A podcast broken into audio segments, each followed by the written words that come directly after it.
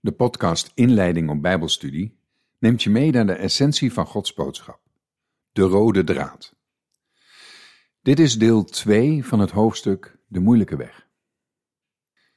In het einde van Genesis 1, in Genesis 1 vers 26 tot 30, beschrijft God het scheppen van de mens en de opdracht die de mensen krijgen. Daarmee is ook bijna het einde van het scheppingsverhaal bereikt en het einde van het eerste hoofdstuk van de Bijbel.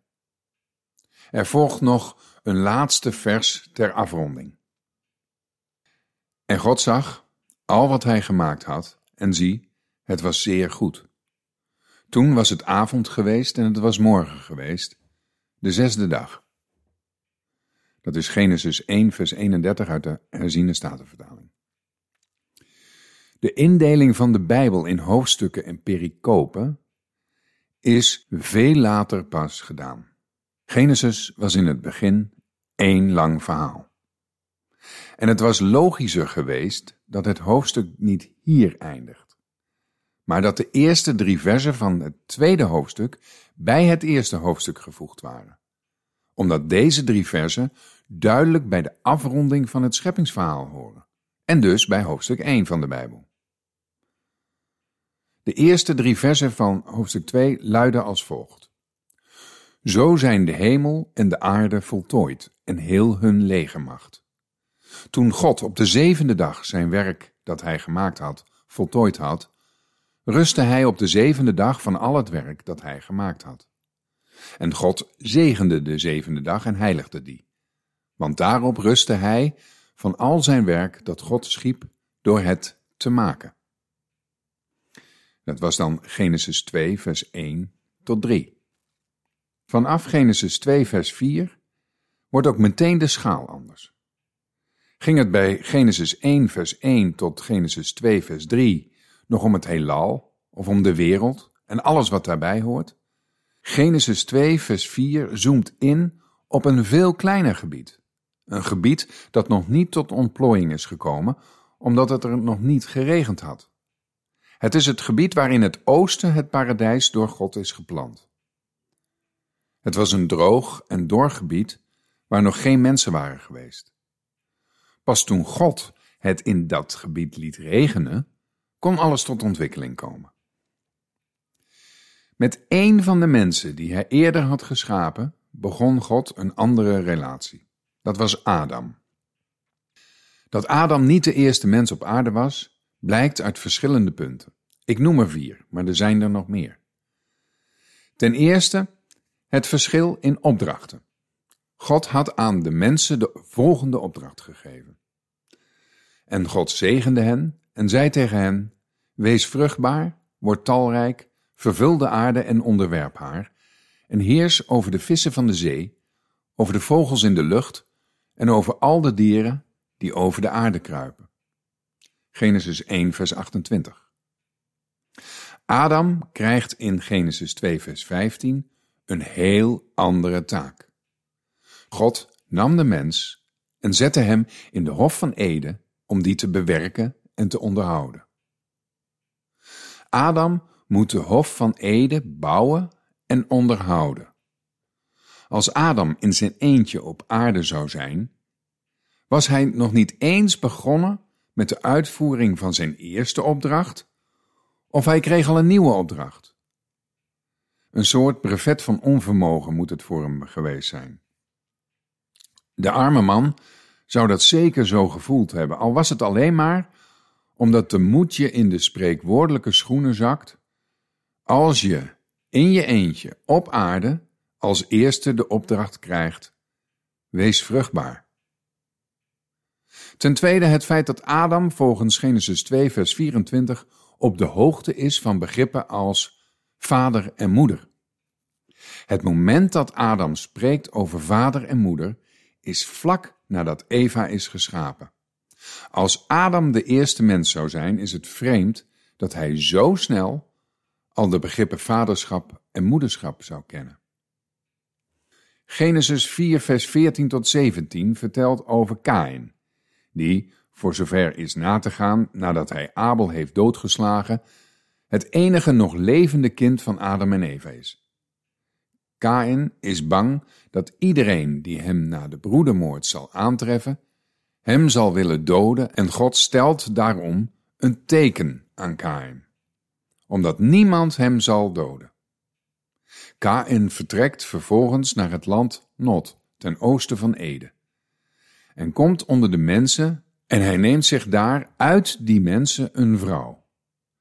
De vrouw baart hem een zoon Henoch, en Kain sticht daarna de stad Henoch, genoemd naar zijn zoon. Als bijkomend punt kan nog worden aangevoerd dat volgens Genesis 1 vers 28 de mens moest heersen over de vissen der zee. Maar dat deze opdracht voor Adam onmogelijk was, vanwege het feit dat de Hof van Ede geen zee heeft. Uit de genoemde punten kan alleen maar worden geconcludeerd dat Adam niet de eerste mens was, maar dat hij wel als eerste de mens was die door God geroepen werd. Hij was de mens waar God zijn plan om de schepping weer in zijn handen te krijgen mee begon. Wat er in de eerste plaats voor nodig was, was dat tussen God en Adam een aparte relatie tot stand gebracht moest worden. Een relatie tussen God en de mens. Die relatie is er normaal gesproken dus niet.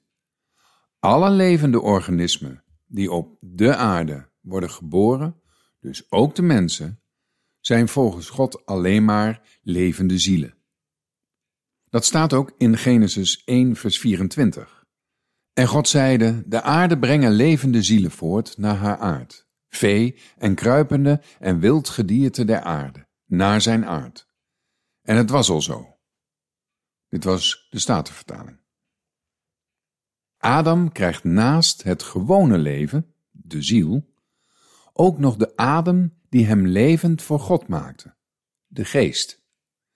God blies daartoe in Adams neusgaten de adem des levens. De relatie tussen God en de mens, die God creëerde door Adam de levensadem in te blazen, noemen we geloof. Alleen geloof maakt de mens voor God levend.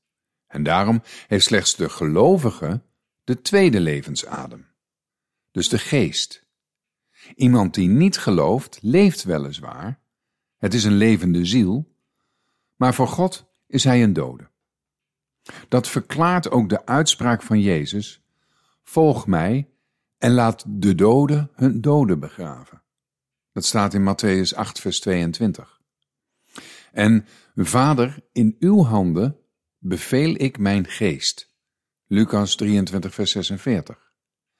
Nadat God Adam de tweede levensadem had ingeblazen, plaatste hij hem in de Hof van Eden, het paradijs. Adam was helemaal alleen in het paradijs en had de opdracht gekregen die te bouwen en te onderhouden.